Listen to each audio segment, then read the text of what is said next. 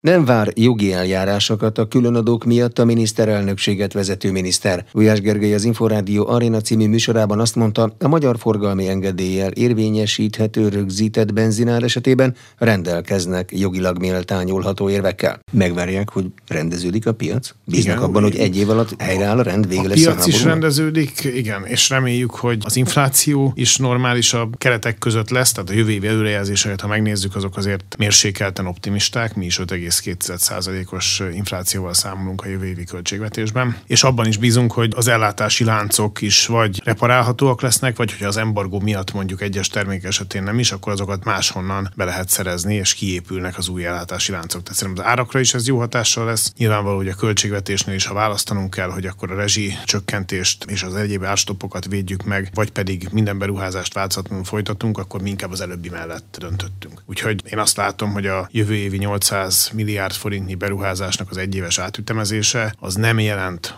óriási veszteséget a gazdasági növekedésben, tehát van egy növekedési ára, de ez néhány tized százalék, az egy százalékot sem éri el. Ugyanakkor lehetővé teszi, hogy úgy őrizzük meg a rezsicsökkentés eredményeit, úgy folytathassuk gyorsabban a honvédelmi fejlesztést a különadók beszedésével, hogy egyébként még a költségvetés egyensúlya is megmaradjon. Milyen eszközt kíván a kormány bevetni, ha azt tapasztalja, hogy az extra profit adóval megterhelt társaságok ezt áthárítják a végfogyasztókra ránk? Van, amit meg is tudunk tiltani, és van, ahol pedig azt tudjuk mondani, hogy előre jelezzük, hogy növelni fogjuk az adó mértékét, hogyha ezt áthárítják a fogyasztókra. De figyelik a szolgáltatások árát? Tehát van, ahol ezt könnyű megtenni, van, ahol egy kicsit nehezebb, de összességében ezeket figyelni fogjuk, és szerintem éppen ezért az áthárítás, hogy száz százalékból egyetlen egyet se hárítanak át, ezt ilyen egyértelműen nem merem kijelenteni, de hogy a jelentős részét, nagyon nagy részét azok a most megadóztatott, valóban egyébként extra profitot termelő cégekként kénytelenek vállalni, és nem tudják áthárítani a lakosságra, abban biztos vagyok. Számítanak-e akár külföldi bíróság előtti perekre, mert az első extra adós időszakban ilyenek voltak jó néhány? Nagy részt ezeket megnyertük, tehát nem számítok erre. Ahol számítok rá, az egy másik intézkedés. A benzin árstopnak kizárólag Magyarországon üzembe helyezett kocsikra való korlátozása, az lehet egy jogi vita. De szolgáltatások ezek... szabad áramlásának elben, vagy micsoda? I- igen, vagy diszkrimináció tilalom. De mindegyikre szerintem jó érvünk van, és nem csupán szavakban, hanem jogilag is méltányolható érvünk van. Csak egy rendkívüli helyzetben hozott rendkívüli intézkedés, az természetesen mindig újszerű, és hogyha valami újszerű és nincs még jogi gyakorlata, akkor ilyen jellegű vitákat kiválthat. És szerintem is baj, hogyha vannak ilyen viták, mindenki el tudja mondani a saját érveit, hogyha meg bírósági jut egyáltalán, ebben nem vagyok biztos, akkor majd az Európai Bíróság mond erről valamit, vagy hogyha a magyar joghatóság van, akkor a magyar bíróságok. Én összességében viszont a különadóknál nem várok ehhez hasonló jogi eljárásokat, mert ezeket a csodákat egyszer már megnyertük. Gulyás Gergely kancellária minisztert hallották.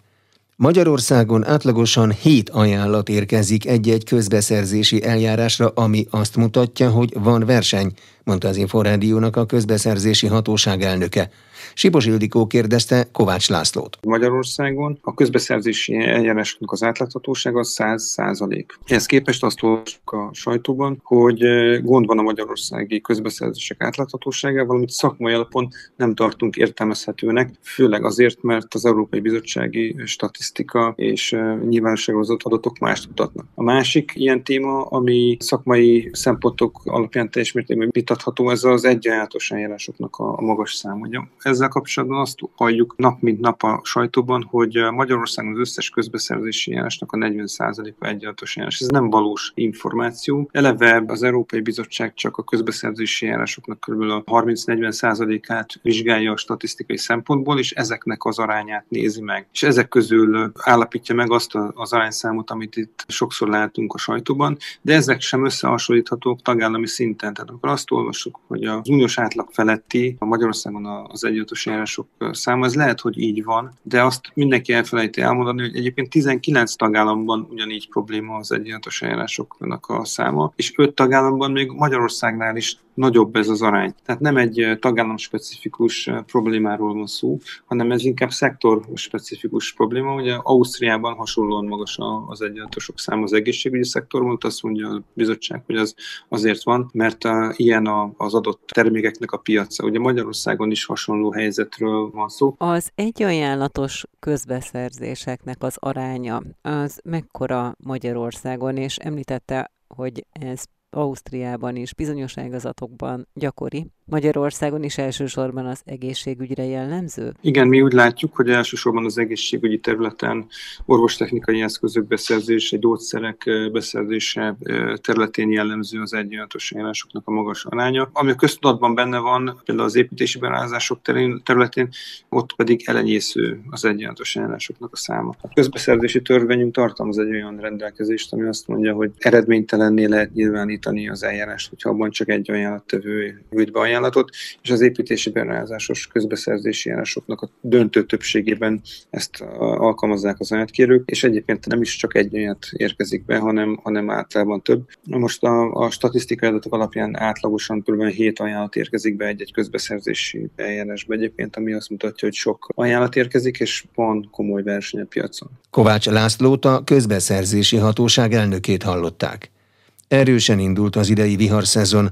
A májusi viharok után a biztosítók 2,4 milliárd forintot fizettek ki, vagy tartalékoltak kárkifizetésre, összegezte a számlákat a Magyar Biztosítók Szövetsége. Az egyhárra jutó kifizetés 130 ezer forint volt, ami az építőipari költségek emelkedését jelzi, mondta az Inforádiónak a Mavis kommunikációs vezetője. Lambert Gáborral Sipos Ildikó beszélt. A Mabis 2010 óta összesíti a május-augusztusi viharkárok, az úgynevezett viharszezon adatait, és idén ebben az első hónapban a már kifizetett és a kifizetésre tartalékolt összegek megközelítik a 2,4 milliárd forintot, valamivel kevesebb, mint 18 ezer bejelentéshez kapcsolódnak. Ez a 2,4, csak nem 2,5 milliárd forintos összeg, ez kiugrónak számít májusra? Nem lehet azt mondani, tehát évről évre változik az, hogy mikor van inkább kiugró hónap. Tavaly például a július volt az, de korábbi években volt már az, hogy májusban nagyon súlyos viharok voltak. Sőt, azt lehet mondani, hogy tulajdonképpen már ez a viharszezon elnevezés is túlzás, hiszen idén például januárban egy nap alatt volt olyan szélvihar, amely nyomán a kifizetések összege megközelítette a 3 milliárd forintot. Tehát egyre inkább egész évre tolódik ki a szélsőséges időjárás. Visszatérve még májusra, hogy hogyha területileg nézzük, hogy hol pusztítottak májusban nagyobb károkat okozó viharok, akkor mely régiókat, megyéket, településeket lehet kiemelni? A szupercelláknak az a jellemző, hogy egy kisebb területen tudnak nagyon súlyos károkat okozni, és május második felében, elsősorban május 25-én, valamint az ezt környező napokban, Somogy, Baranya, valamint Bács-Kiskun és Zala megyék, a településeket illetően pedig Kaposvár, Vaskút, Madaras, Katymár, Bátaszék, továbbá Szeged, Budapest, Pécs és bizonyult kiemelt célpontoknak a vihar szempontjából. Mennyire figyelhető meg a díjak kifizetésénél az, hogy emelkednek az építési költségek? Megmutatkozik-e ez a kifizetett biztosítási díjakban? Természetesen az emelkedő összegekben ez, a, ez is benne van, hiszen a korábbi éveknél magasabb összegeket kell szállni a folyamatosan emelkedő építkezési munkadíjköltségekre, építőanyagárakra, és eh, hát eh, amikor a 2,4 milliárdos kifizetésről és egy bejelentésre vetítve olyan 130 ezer forintos átlagdíjakról beszélünk, azért már átlag összegekről beszélünk, abban már ez is benne van. Lambert Gábort a Magyar Biztosítók Szövetségének kommunikációs vezetőjét hallották.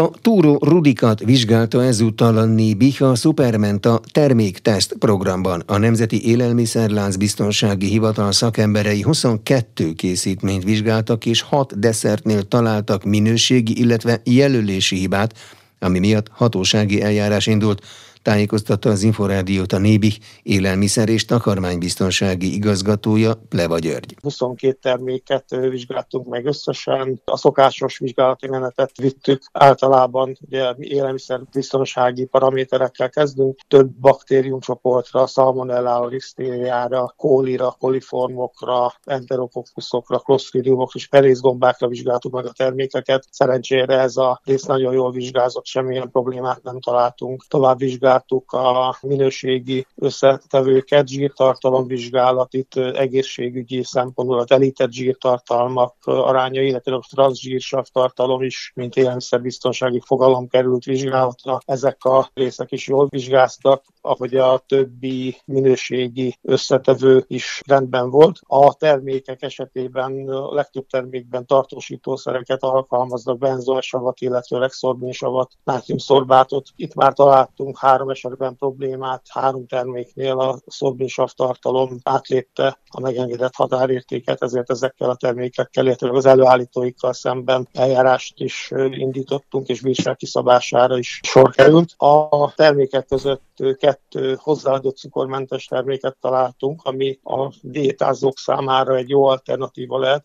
de azért, hogy senki ne aludjon nyugodtan ezekben a termékekben is jelentős mennyiségű édesítőszerrel pótolták a cukrot. Itt az édesítőszer tartalom rendben volt, tehát minden termékben a jelölt édesítőszereket és a megfelelő mennyiségben alkalmazták. Egyébként a édesítőszerek között steviolglikozidákat és cukoralkoholokat találtunk. Említette, hogy négy terméknél akadtak jelölési hibák, és emiatt bírságot is kiszabtak. Mekkora ez a bírság összeg? Valóban a jelölési vizsgálaton négy termék bukott meg. Tápértékjelöléssel, az adalékanyagok allergének feltüntetésével, az átvitt összetevők jelölésével voltak problémák, így összességében hat vállalkozás kapott bírságot, ennek az összes mennyiség 800 ezer forintra rúg. A gazdasági versenyhivatal és az OECD közös oktató központja versenyjogi szemináriumot rendezett az Európai Unió és Albánia bírái számára. A kétnapos képzésre összesen 15 országból érkeztek bírósági szakemberek. A részletekről Rozgonyi Ádám kérdezte Gondolovics Katalint,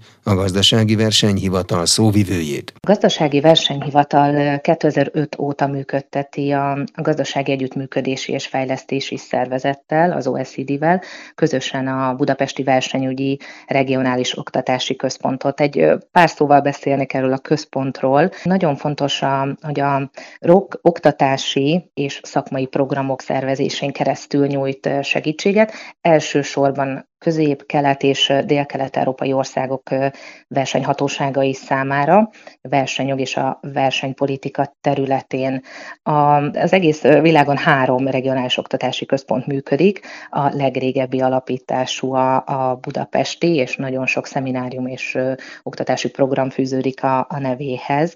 De a rendszeres találkozókra, szemináriumok és különböző tréningprogramok keretében kerül sor. Az elmúlt években a sajnos a járvány következtében ezek többnyire online valósultak meg. Ezen kívül különböző hírlevelekben ad tájékoztatást egy átfogó képet a térségben történő verseny alakulásáról, illetve Tavaly indult el egy oktató videósorozat, a, a vers, és ebben pedig a versenypolitika és a versenyjog legfontosabb kérdéseit mutatja be, tehát ennek az oktatási központnak ez áll a fókuszába. A versenyhatóságok munkatársainak a képzése mellett a versenyhivatal oktatási központjának egy másik jelentős tevékenysége a versenyjogi ügyekkel foglalkozó bírók szakmai képzése, az ismereteik bővítése, ugye szakmai rendezvények keretében az elmúlt napokban egy ilyen rendezvényre került sor, egy kétnapos képzésre összesen 15 országból érkeztek bírósági szakemberek. Nagyon fontos, hogy az előadók átadják ugye a tudásukat, a szemináriumon az uniós versenyjog alapelveit vitatták meg, ez volt a, a központi téma a versenyhivatal, az Európai Bizottság, az OECD, illetve az Európai Unió bíróságának a szakemberei tartottak előadásokat, versenyhatóságok döntési gyakorlatát ismerhették meg. Itt az előadásokon kívül interaktív gyakorlatok is kiegészítették a, az oktatást, a képzést, tehát a bírók versenyjogi képzése kiemelt céljaroknak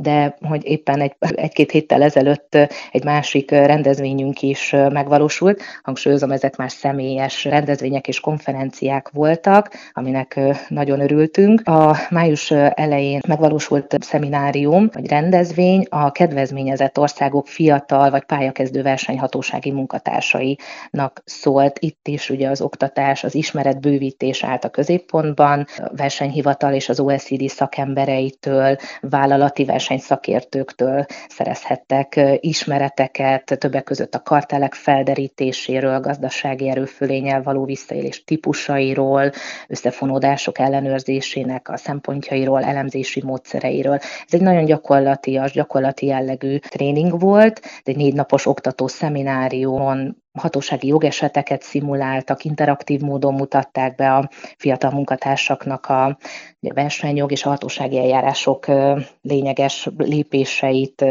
elemeit. A, nagyon fontos, hogy a szakemberek megfelelő utánpótlása, ez minden versenyhatóság szempontjából kulcsfontosságú. A versenyhivatal örömmel járult hozzá a közép- és kelet-európai régió friss szakembereinek a képzéséhez. Tehát ez a cél, hogy a fiatal pályakezdő versenyhatósági szakembereket is képezzük, illetve a, a bírói szakembereket, a bírósági szakembereket is, a szakembereknek az ismereteit is bővítsük, ami később az együttműködésekben és a, a közös munkában is nagyon fontos. Ugye a személyes kapcsolatok nagyon fontosak, ezért örültünk a személyes jelenlétnek és, és a, a találkozásnak. Nagyon fontos, és ezt kiemelném, hogy Magyarország az oktatási központtal, ezzel a regionális oktatási központtal vezető szerepet játszik a régión belül a, az átmeneti gazdaságok fejlesztésében. Egyébként mi a versenyjog? Tehát nem gondolok itt pontos definícióra, vagy kimerítő definícióra, de hogyha valaki ezt meghallja most, és kevesebbet találkozott eddig ezzel a fogalommal, akkor mire kell gondolnia? A gazdasági verseny tisztaságáért felelnek ugye a versenyhatóságok. Nagyon fontos, hogyha bármilyen jogsértés miatt a gazdasági verseny sérül, akkor az hosszú távon ugye a fogyasztók, azt megérzik a fogyasztók, megérzi a, a gazdaság is, a, az egyensúly kibillen, az árak emelkedéséhez vezethet. Tehát ugye versenyjogi jogsértés lehet, hogy egy pár példát mondjak, és akkor így a hallgatók is jobban tudják értelmezni. Bizonyára hallottak a kartel fogalmáról. Ugye a kartelezés az azt jelenti, amikor piaci szereplők összebeszélnek, egyeztetik az árakat egy adott piacon, ezáltal mesterségesen magasan tartják az árakat, és ugye végső soron a, a fogyasztók sérülnek, a fogyasztó fizet magasabb árat. Ezeket a kartel megállapodásokat, a legsúlyosabb versenyjogi jogsértéseket minél hamarabb a versenyhatóságoknak fel kell ismerni, fel kell számolni. Eljárások végén megállapítja a jogsértést, a versenyhivatal akkor bírságot szab ki. Ezek a kartelek a fogyasztókat megtévesztő tájékoztatások is a versenyjog körében, körébe tartoznak.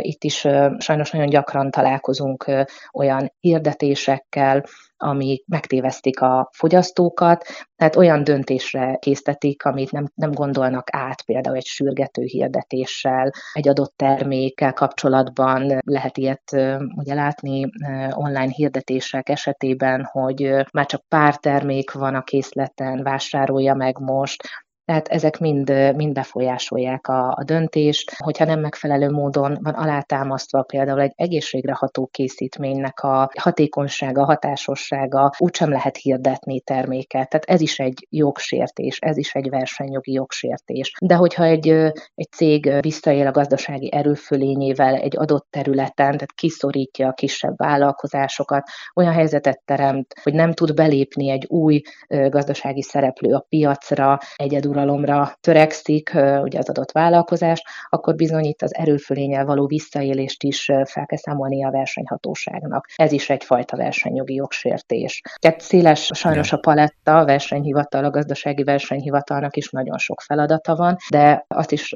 hangsúlyoznám, hogy nem csak a szankcionálás az elsődleges célja a versenyhivatalnak, hanem az együttműködés, a figyelemfelhívás, hogy a vállalkozások mire figyeljenek oda, mert nem például egy fogyasztó megtévesztés esetében nem biztos, hogy egy tudatos jogsértésre törekvés, hanem lehetséges, hogy csak információ hiány okozza azt, hogy egy olyan hirdetést tesz közzé, ami jogsértő. Tehát minél több fórumon próbáljuk felhívni a vállalkozások figyelmét, hogy mire figyeljenek oda, hogyha például egy adott terméket reklámoznak, de az együttműködés is nagyon, nagyon fontos a versenyhivatalnak, és ugye ezeket a lehetőségeket beszélik át uniós szinten, illetve ahogy említettem, ugye a kedvezményezett országok versenyhatóságainak a munkatársával, a tapasztalatokat osztják meg, hogy minél hatékonyabban működjön a, a versenyjoga a világban. Igen, mert hogy mondhatjuk úgy, talán fogalmazhatunk úgy, hogy hát verseny van a magukért, a fogyasztókért, a vásárlókért, és ebben a hatalmas, egyre bővülőbb információs térben, szférában kell őket megszólítani, és hát egyre inkább elveszik egy közített bejegyzés vagy hirdetés, mert hát tehát nagyon sokkal lehet találkozni, akár az interneten most már, tehát ebből a sajátos versenyszituációból is adódnak, gondolom, bizonyos nem megfelelő figyelemfelhívások, módszerek. Igen, a, dig- a digitális világa előretörését és az ebből, ebből adódó problémákat a versenyhivatal is látja, tapasztalja. Nagyon sok együttműködés, eszmecsere folyik erről, a, a versenyhivatal éppen április végén tartotta a V4-eknek szóló, tehát itt a soros elnökség keretében megrendezésre került egy nemzetközi konferencia, és ezen is szó volt a, a digitális kihívásokról. Igen, ezt a versenyhivatal is látja, hogy a, a, a digitális piacra lépő vállalkozások keresik a lehetőségeket, hogy minél jobban kitűnjenek, de nem mindegy, hogy hogyan tűnnek ki. Tehát az sem lehet, az is jogsértő, hogyha az influencerek, ugye az influencerekkel való reklámozás nagyon előtérbe került az elmúlt években. Ennek is megvannak a szabályai, erre is a versenyhivatal több helyen felhívta a figyelmet, tájékoztatásokat is kiad, hogy az influencer reklámokban hangsúlyosan és észrevehetően meg kell azt jeleníteni, hogy ez egy fizetett hirdetés. Tehát ugye nagyon sokan követnek már youtubereket és influencereket, és hisznek a termékbemutatásuknak, de ha az úgy jelenik meg, hogy abból nem derül ki a fogyasztó számára, hogy az egy fizetett hirdetés, azért valamilyen szolgáltatást, anyagi vagy, vagy ugye termékbeli szolgáltatást kap a hirdető, akkor az jogsértő. Nem lehet. Akkor az már nem egy független terméktapasztalat, hogyha azért pénzt kap az influencer. Az pedig jogsértő, hogyha nem jeleníti meg a hashtaggel vagy bármilyen más módon, figyelemfelkeltő módon, hogy reklámról van szó. Amikor elindult ez a folyamat, akkor a versenyhivatal szintén, ahogy mondtam, hogy nem a bírság az elsődleges szempont, tehát felhívta az influencerek figyelmét arra, megszólította őket, hogy bizony változtatni kell a reklámozási gyakorlatukon, és aki ezt nem tette, az természetesen utána bírságot kapott, vagyis eljárás indult ellene. Tehát a digitális világ problémáit, kihívásait a versenyhivatal is látja. Most május 28-ától a fogyasztóvédelmi törvény több ponton módosult. Erről is érdemes szót ejteni, ez is a, a digitális világgal, a, a digitális felületekkel való harmonizáció, felületeken megjelenő reklámok harmonizációja miatt nagyon fontos. Itt, ha például az akciótartási gyakorlatot tudom kiemelni, azzal nagyon sok fogyasztó találkozik. Ugye az elmúlt években a járvány hatására is áthelyeződött a hangsúly az online vásárlásra. Nagyon sokan nem is akartak kimozdulni a lakásból, vagy nem is lehetett ugye egy időben, és elkezdtek online rendelni. A vállalkozások nagyon sok esetben akciókat tartanak, ugye Black Friday akciókat és egyéb akciókat ismerünk, hallottunk már erről. Most az új szabályok következtében nem jeleníthet meg, nem reklámozhat úgy akciót, vagy nem tehet úgy akciót egy vállalkozás, hogy ne tüntesse fel az eredeti árat. Ez korábban is egy fontos vagy komoly probléma volt, hogy, hogy csak azt jelenítette meg, áthúzva hány százalékkal csökkenti, és az új árat kiírva, vagy olyan eredeti árat írt ki a vállalkozó, ami valójában soha nem, tehát azon az áron valójában soha nem értékesítette az adott terméket. Most ezt már nem teheti meg, ez már súlyos, fekete listás jogsértésnek minősül, hogy ezt eddig sem tehette meg, de most a bírságolás, illetve a, a számonkérés az most már egy, egy fokkal könnyebb lesz, tehát ez eddig sem volt engedélyezett, de most egy olyan eredeti árat kell megjelenítenie az akciózott termék ára mellett, ami az elmúlt 30 napban, az akciót megelőző 30 napban ténylegesen teljesült, és a legalacsonyabb árat kell feltüntetnie. Gondolovics Katalint a gazdasági versenyhivatal szóvivőjét hallották. Paragrafus. Minden, ami jog. A fizetési meghagyásos eljárás egy pénzkövetelés érvényesítésére szolgáló eljárás, amit bárki igénybe vehet, akinek mással szemben olyan pénztartozás iránti követelése van, amely bírósági úton követelhető, mondta az Inforádiónak a Magyarországos Közjegyzői Kamara jogi irodájának vezetőhelyettese. Pulinka Mihály hozzátette, az eljárásban az elektronizáció hangsúlyosan jelenik meg, mert vannak olyan személyek, akik kizárólag elektronikusan kezdeményezhetik az eljárást. A fizetési meghagyásos eljárásokról kérdeztem Pulinka Mihályt. Elektronikus eljárás a fizetési meghagyásos eljárásokban ez a beszélgetésünk tárgya a következő negyed órában. Itt van Pulinka Mihály, a Magyarországos Közjegyzői Kamara jogi iroda helyettes vezetője. Kezdhetjük az a fizetési meghagyásos eljárással magával? Jó napot! Jó napot kívánok, természetesen. A fizetési meghagyásos eljárás gyakorlatilag egy pénzkövetelés érvényesítésére szolgáló eljárás, amit bárki igénybe vehet, akinek valaki mással szemben olyan pénztartozás iránti követelése van, ami bírósági úton követelhető, egy polgári jogi igény. Tehát egészen széles a spektrum, hogy milyen követelésekre vehető igénybe. A köteles rész iránti követeléstől az elmaradt vételár kifizetésen keresztül a ki nem fizetett bérleti díjakig mindenre igénybe vehető a fizetési meghagyásos eljárás, ami polgári jogi igény alapja. A fizetési meghagyásos eljárásban az elektronizáció elég hangsúlyosan jelenik meg, ugyanis vannak bizonyos személytípusok az eljárásban, akik kizárólag elektronikusan kezdeményezhetik ezt az eljárást, illetve ha ők az alanyai másik oldalon ennek az eljárásnak, tehát tőlük követelik az adott pénzösszeget, akkor kizárólag elektronikusan reagálhatnak erre a közjegyzőnek. Bocsánat, de mi a logikája az elektronikus útra terelésnek, amikor áram mindenhol van, és ma már azért nagyjából számítógépe is mindenkinek van? Ugyanakkor internet kapcsolata nem biztos, hogy mindenkinek van. Ez nem is számít alapjognak, mint egyes más országokban, Magyarországon. Így nem várható el az, hogy mindenkinek legyen elektronikus hozzáférése, tehát legalább a természetes személyeknek a jogalkotó legalábbis jelenleg így áll hozzá, mindenképpen meg kell hagyni a papír alapú vagy szóbeli ügyintézés lehetőségét, ugyanúgy, mint egy bírósági peres eljárásban. Az elektronikus eljárásra kötelezettek személyi köre, akkor ez, ezek szerint hát meglehetősen szűk ahhoz képest, hogy a természetes személyeknek a köre meglehetősen tág. Ez nézőpont kérdése. Az én álláspontom pont az, hogy inkább meglehetősen széles köre a felhasználóknak elektronikus úton köteles reagálni mindig a fizetési meghagyásokra, illetve az eljárást elektronikusan kell, hogy kezdeményezze, hiszen az összes jogi személy ez alá a kategória alá esik, illetve minden olyan személy, aki nem minősül ugyan jogi személynek, de az elektronikus ügyintézésről szóló törvény szerint elektronikus ügyintézésre köteles. Ide tartoznak az egyházaktól kezdve az egyéni vállalkozókig gyakorlatilag mindenki. Aki például gazdasági tevékenységet folytat, az jószerű, folytat, az jószerűvel biztos, hogy ebbe a kategóriába fog tartozni,